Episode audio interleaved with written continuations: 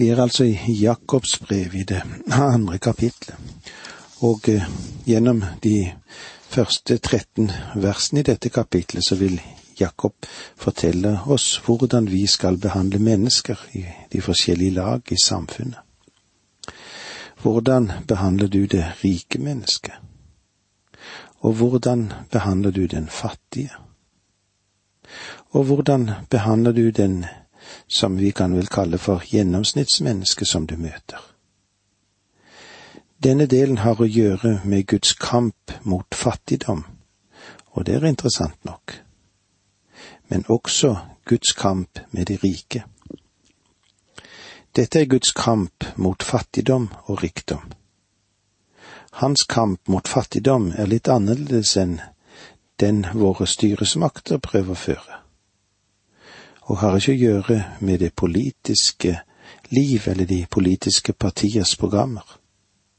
For ingen har vært i stand til å håndtere dette problemet med noen særlig suksess. Både fattigdom og rikdom, det kan jo bli en forbannelse. Og mye av forbannelsen over menneskeslekten går akkurat på fattigdom og rikdom. Forfatteren av ord, ordspråksboken, han sier det på denne måten i det tredjeste kapittelet, vers åtte. Gi meg verken armod eller rikdom. Det vanskeligste mennesker er å nå de som er dype sett langt nede i fattigdommen, og de som er høyt oppe, de rikeste. Det synes å være ganske vanskelig å nå begge disse ytterpunktene med Guds ord.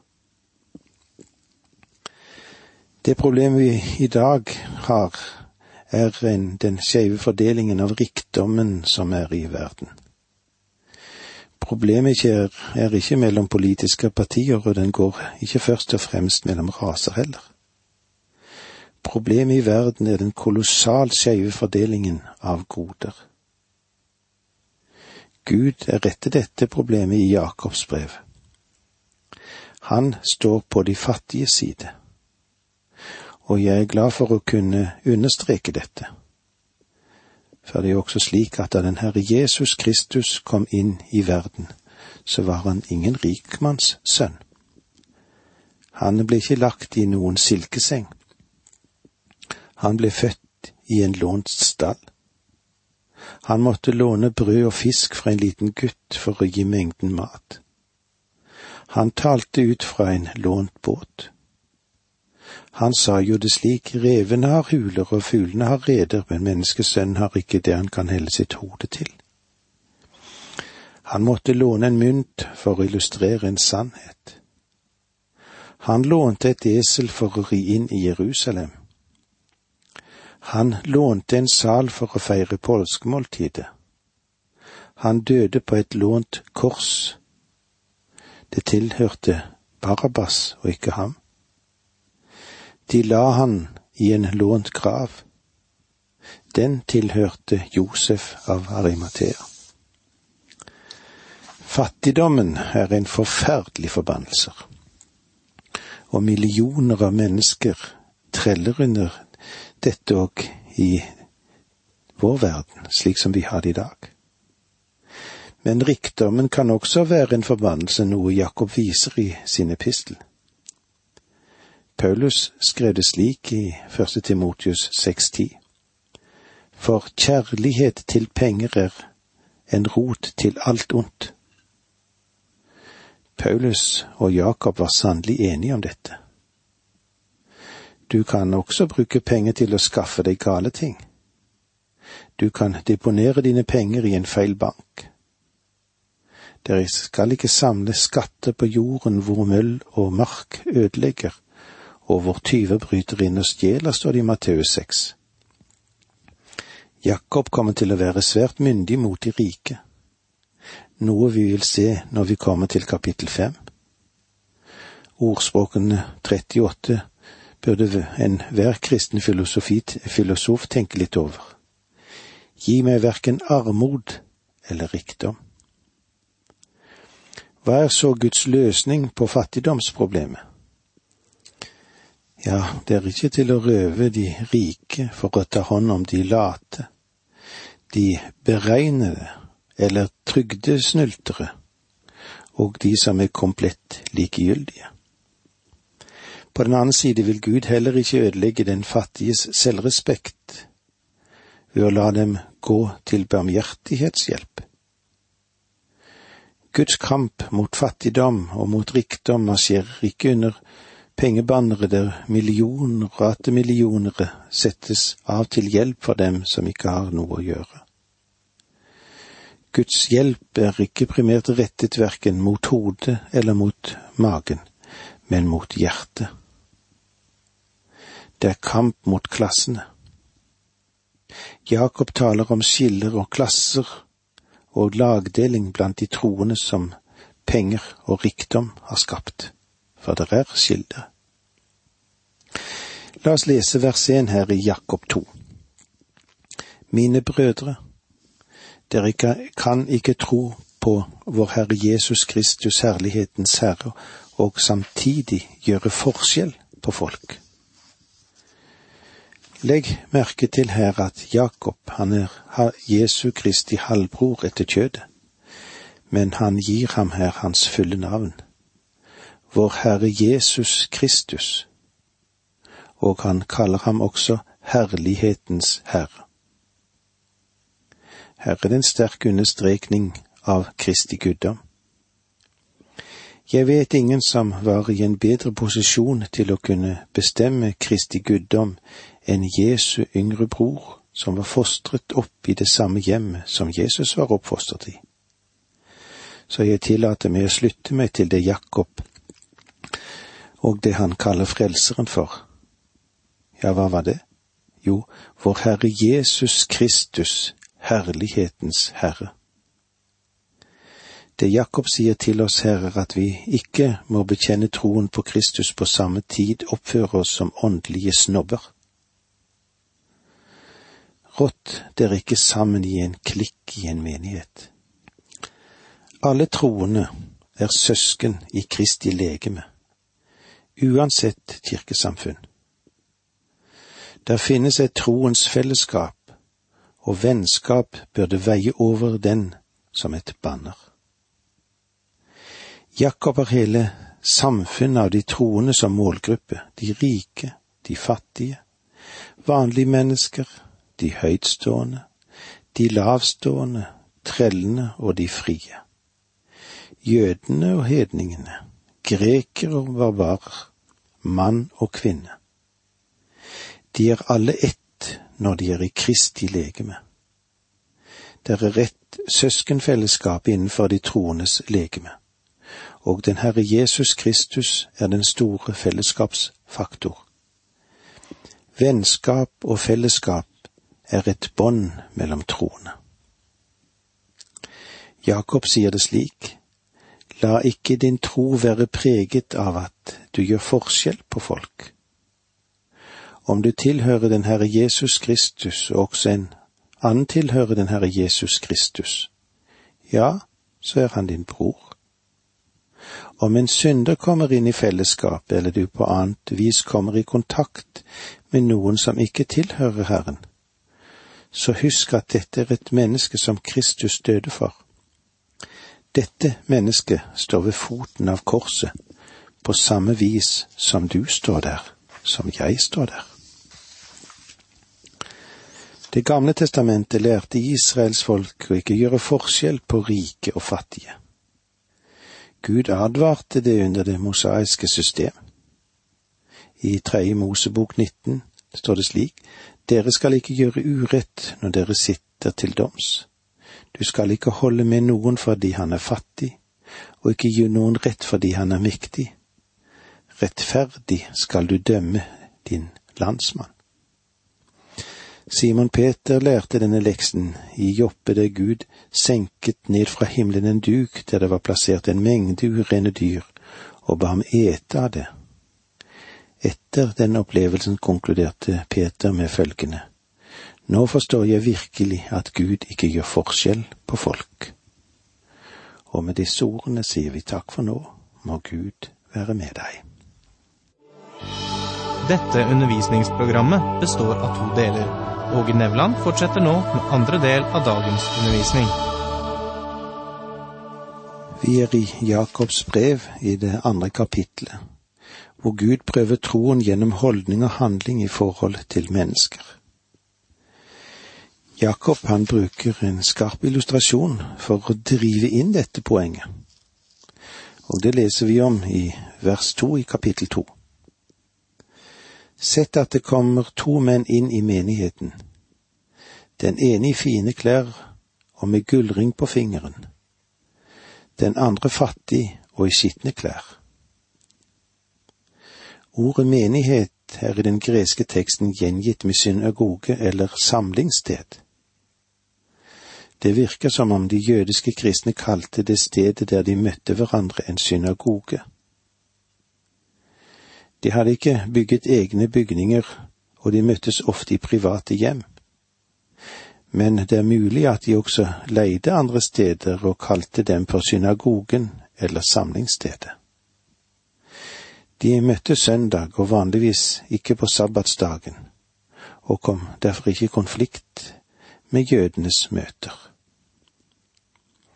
Den ene i fine klær og med gullring det betyr ikke at han bar en enkel ring, men at fingrene var fulle av gullringer som var et uttrykk for rikdom.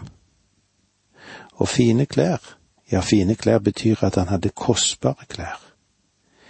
Hele hans fremtoning går skarpt i kontrast med det den fattige mann hadde.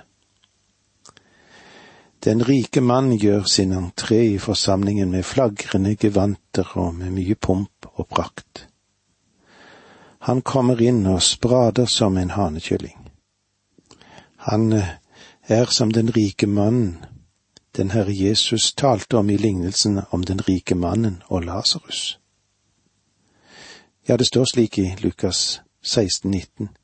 Det var en rik mann som kledde seg i purpur og fineste lin og levde i fest og glede dag etter dag.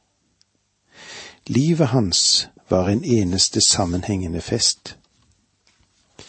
I kontrast møter vi den fattige mannen, den fattige mannen som Jakob nevner her, og han kommer i skitne klær. Han ser kanskje ikke så forsoffen ut, sløv og nedkjørt. Han har nok sett bedre dager men han har ingen søndagsstas. Det Jakob gjør her, er han setter disse to mennene opp mot hverandre. Hver av disse to markerer ytterpunktene av den sosiale rangstien. Også i den kristne menighet i dag er det en fare for at vi legger vekt på andre kriterier for å søke Gud enn det hjertets lengsel eller hjertets fortvilelse representerer. Slik må det ikke være mellom oss. Vers tre. Så sier dere til ham som er pent kledd, vær så god, her er en god plass. Men til den fattige, du kan stå der, eller sett deg her på gulvet ved føttene mine. Om dere altså bare bryr dere om ham med de fine klærne. Vi må være glad for at ordningen med betalte seter i Den norske kirke er over. Men det betyr ikke at vi ennå har nådd det stadium som Jakob her peker på, at alle blir likt behandlet. Det er mange måter å gradere mennesker på. Eller for å si det på en annen måte, det er lett å fryse ut mennesker på. Vers fire. Har dere ikke da skapt et skille blant dere? er dere ikke blitt dommere med onde tanker? Etter at Jakob har satt disse to mennene mot hverandre, så stiller han spørsmålet. Drar dere ikke inn i menighetens skillelinjer som ikke burde være der, som ikke burde eksistere her? Skulle ikke dette verset være et fristed for mennesker, der de kan være seg selv uansett hvordan deres forhold ellers måtte være? vers fem. Hør, mine kjære brødre, har ikke Gud utvalgt den som er fattig i verdens øyne, til å være rik i troen og arve det rike han har lovet dem som elsker ham. Hør, mine kjære brødre. Jakob taler til de troende, og han kaller dem brødre, ja, faktisk kjære brødre. Og jeg tror ikke han er ironisk. Kanskje fattige og uflidde mennesker blir sett ned på i noen enhver menighet, og allikevel så kan de være de åndelig rikeste i en kirke eller i et bedehus. Guds ord sier en hel del om de fattige, og Gud har gjort det helt klart ifra første Mosebok til åpenbaringsboken at han har omsorg for og med bekymring for de fattige. Og det er like sant enten om dette er i Moskva, eller i New York, eller i Oslo, eller i en liten by eller bygdesamfunn. De fattige aldri får den respekt og den behandling som de burde ha fått. Så lenge menneskene følger sin egen naturlige lyst og ikke er gjenfødt som kristne, og lever dette livet, så vil de fattige aldri få sin rettmessige del i denne verden. Håpet deres er Jesus Kristus. Lytt til hva Guds ord sier. I Jobb 5.15 De fattige berger han fra kvasse sverd ut av hendene på de sterke. Og i Jobb 36.15 leser vi slik men dem som er i nød, kan han berge gjennom nøden, gjennom trengsel åpner han deres øre. Og salmen i 19, men de fattige blir ikke glemt for alltid. De hjelpeløse er ikke for evig uten håp. Og vi leser igjen i salmene, der fikk din ett slå seg ned, i din godhet, Gud, sørget du for de hjelpeløse. Og videre i salmen for Herren hører de fattiges bønn. For han berger de fattige som roper om hjelp, de arme som ingen hjelper har. Han ynkedes over småkårsfolk og redder de fattiges liv. Og i Salme 102,18 leser vi slik. Han hører på de elendiges bønn og ringakter dem ikke. I skrift etter skrift tales det om de fattige om Guds omsorg for dem. Og i den mektige salmen 45 leser vi om ham som vil komme og herske over jorden i rettferdighet. Og i Jesaja 11 står det slik, Han dømmer småkårsfolk med rettferd, la de vergeløse i landet få rett dom. Gud har en hel del å si om denne skammelige behandlingen av de fattige og det de fattige får på jorden ja, slik som de får av de rike, og fra de som har makt.